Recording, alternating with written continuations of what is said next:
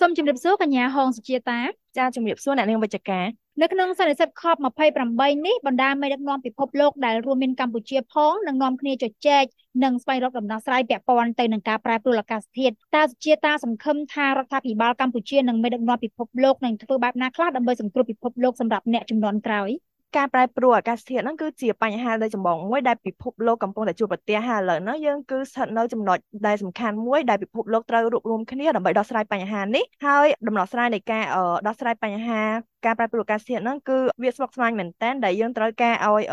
បណ្ដាភាគីពាក់ព័ន្ធទាំងអស់ត្រូវចូលរួមរួបរวมគ្នាដើម្បីដោះស្រាយបញ្ហានេះអញ្ចឹងខណៈពេលដែលខាងរាជរដ្ឋាភិបាលនិងមេដឹកនាំពិភពលោកហ្នឹងកំពុងរួបរวมគ្នាដើម្បីស្វែងរកដំណោះស្រាយព្រមទាំងបង្កើតនៅគោលនយោបាយព្រមទាំងគោលដៅផ្សេងផ្សេងដើម្បីអភិវឌ្ឍពិភពលោកឲ្យមាននិរន្តរភាពនិងបរិយាបន្នហ្នឹងខ្ញុំជឿជាក់ថាបណ្ដាភាគីផ្សេងផ្សេងហ្នឹងក៏គាត់មានទួនាទីក្នុងការជួយដោះស្រាយបញ្ហាពិភពលោកហ្នឹងដែរអញ្ចឹងមានដូចជាពីខាងភាគី public sector ដែលជា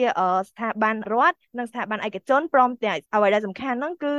ខាងគ្រឹះស្ថានហិរញ្ញវត្ថុព្រមទាំងអង្គការផ្សេងផ្សេងដែលចូលរួមពាក់ព័ន្ធហ្នឹងជាពិសេសយុវជនហ្នឹងក៏ត្រូវចូលរួមទាំងអស់គ្នាដើម្បីដោះស្រាយបញ្ហាការប្រែប្រួលអាកាសធាតុហ្នឹងដែរតើអ្វីជាការបារម្ភរបស់ជាតាប្រសិនបើមេដឹកនាំលើពិភពលោកមិននាំគ្នាដោះស្រាយឬក៏ទប់ស្កាត់ការប្រែប្រួលអាកាសធាតុដែលកំពុងតែជាបញ្ហារបស់ពិភពលោកនេះ ចាអរគុណសម្រាប់សំណួរអញ្ចឹងប្រសិនបើយើងនៅស្ងៀមមិនចូលរួមដោះស្រាយនឹងឬទប់ស្កាត់ការប្រែប្រួលអាកាសធាតុនឹងបញ្ហាជាច្រើនទៀតដែលកើតឡើងបន្តបន្ទាប់នឹងនឹងកាន់តែស្មុគស្មាញហើយពិបាកក្នុងការដោះស្រាយទៀតដែលក្នុងនោះមានបញ្ហាផ្សេងផ្សេងដូចជាបញ្ហាពាក់ព័ន្ធនឹងបរិស្ថានដូចជាការបាត់បង់ចម្រុះសត្វទាំងសត្វក្នុងទឹកសត្វដីគោកព្រមទាំងមានគ្រោះមហន្តរាយផ្សេងផ្សេងទៀតដែលកើតឡើងជារឿយៗហ្នឹងដូចជាគ្រោះរាំងស្ងួតទឹកចំនួនខ្យល់ព្យុះជាដើមហ្នឹងដែល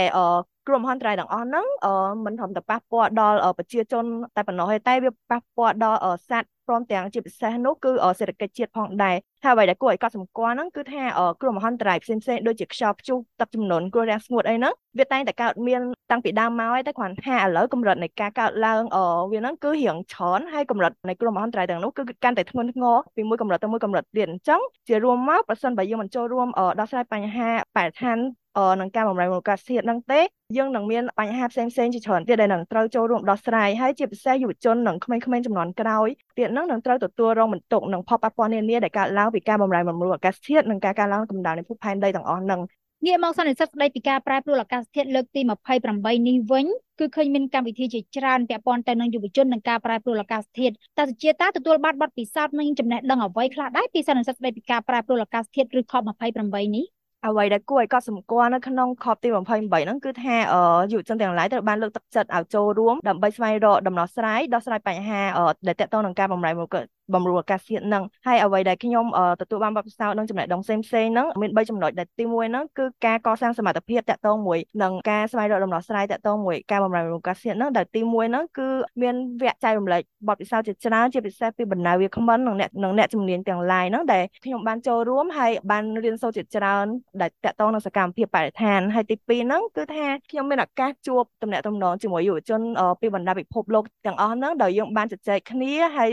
ផ្លាស់ប្ដូរបទពិសោធន៍ថាតើមានសកម្មភាពបរិស្ថានអ្វីខ្លះដែលយើងអាចយកមកផ្សព្វផ្សាយព្រមទាំងយកមកអនុវត្តនៅក្នុងប្រទេសកម្ពុជាយើងដែរហើយទី3ជាពិសេសផងដែរហ្នឹងគឺខ្ញុំបានជួបជាមួយនឹងបណ្ដាមិត្តភ័ក្តិជាច្រើនជាពិសេសនៅក្នុងតំបន់អាស៊ានហ្នឹងដែលយើងដែលក្នុងប្រទេសអាស៊ានទាំងអស់ហ្នឹងគឺតែងតែប្រឈមនឹងបញ្ហាស្រៀងស្រៀងគ្នាជាច្រើនដែលតកតងនឹងបញ្ហាប្រែប្រួលអាកាសធាតុហ្នឹងអញ្ចឹងដូចជាបញ្ហាទឹកជំនន់បញ្ហាគ្រោះរាំងស្ងួតអីហ្នឹងដែលពួកយើងបានជួបគ្នាហើយពិភាក្សាគ្នាហើយស្វែងរកដំណោះស្រាយរួមដែលយើងអាចយកមកអនុវត្តនៅក្នុងប្រទេសរៀងៗខ្លួនក្នុងនាមជាយុវជនម្នាក់ជាពិសេសជាយុវជនកម្ពុជាដែលបានមកចូលរួមសន្និសីទស្តីពីការប្រែប្រួលអាកាសធាតុឬ COP28 នេះតើសុជាតាបញ្ញាចិត្តបែបណាខ្លះនៅក្នុងការទប់ស្កាត់ការប្រែប្រួលអាកាសធាតុ ក្នុងនាមជាយុវជនកម្ពុជាដែលបានចូលរួមសន្និសីទស្តីពីការប្រែប្រួលអាកាសធាតុឬ COP28 ហ្នឹងខ្ញុំបដិញ្ញាចិត្តថានឹងលើកកម្ពស់ការយល់ដឹងបន្ថែមទៀតទាក់ទងនឹងការប្រែប្រួលអាកាសធាតុដោយសារតែការយល់ដឹងពីកម្រិតប្រែប្រួលអាកាសធាតុនៅប្រទេសកម្ពុជាយើងហ្នឹងគឺនៅមានកម្រិតនៅឡើយជាពិសេសសម្រាប់បងប្អូនដែលនៅ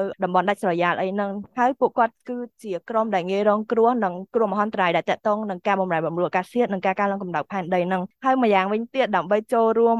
ជួយជំរុញដល់ការសម្រេចបាននៅសកម្មភាពបរិស្ថានទាំងអស់ហ្នឹង ចំណេះដឹងព្រមទាំងការអប់រំហ្នឹងគឺមានសារៈសំខាន់មែនទែនដូច្នេះខ្ញុំនឹងបន្តលើកកម្ពស់ការយល់ដឹងបន្ថែមទៅដល់បងប្អូននៅប្រទេសកម្ពុជាយើងហើយទី2ហ្នឹងខ្ញុំក៏ចង់ចែករំលែកបទពិសោធន៍ជាមួយយុវជនកម្ពុជាដែលកំពុងចូលរួមសកម្មភាពអាកាសធាតុទាំងឡាយដែលដោយសារនៅប្រទេសកម្ពុជាយើងក៏មានគម្រោងជាច្រើនដែលធ្វើឡើងដោយយុវជនកម្ពុជាយើងហ្នឹងដែលពួកគាត់បានចូលរួមផ្សព្វផ្សាយសកម្មភាពបរិស្ថានព្រមទាំងស្វែងរកដំណោះស្រាយផ្សេងផ្សេងដូច្នេះពេលត្រឡប់ទៅវិញហ្នឹងខ្ញុំចង់ចូលរួមចែករំលែកបទពិសោធន៍ថាអ្វីដែលខ្ញុំបានរៀនសូត្រពី COP28 ព្រមទាំងអ្វីដែលខ្ញុំបានជជែកគ្នាជាមួយយុវជនផ្សេងផ្សេងហ្នឹងក៏ខ្ញុំចង់ចែករំលែកទៅយុវជននៅប្រទេសកម្ពុជាឲ្យបានដឹងផងដែរហើយទី3ហ្នឹងគឺខ្ញុំនៅបន្តចូលរួមសកម្មភាពបរិស្ថានផ្សេងផ្សេងដូចជាចូលរួមកាត់បន្ថយផ្លាស្ទិកនិងការចូលរួមដាំដើមឈើដែលខ្ញុំជឿជាក់ថាសកម្មភាពងាយៗទាំងអស់នេះគឺប្រជាជនព្រមទាំងបងប្អូនយើងអាចចូលរួមផងបានដែរតើអ្នកពាក់ព័ន្ធជាពិសេសរដ្ឋាភិបាលគួរតែធ្វើបែបណាខ្លះដើម្បីគ្រប់គ្រងយុវជននៅក្នុងការទប់ស្កាត់និងជៀសវាងពីផលប៉ះពាល់ដោយសារតែការប្រែប្រួលអាកាសធាតុទាំងនេះ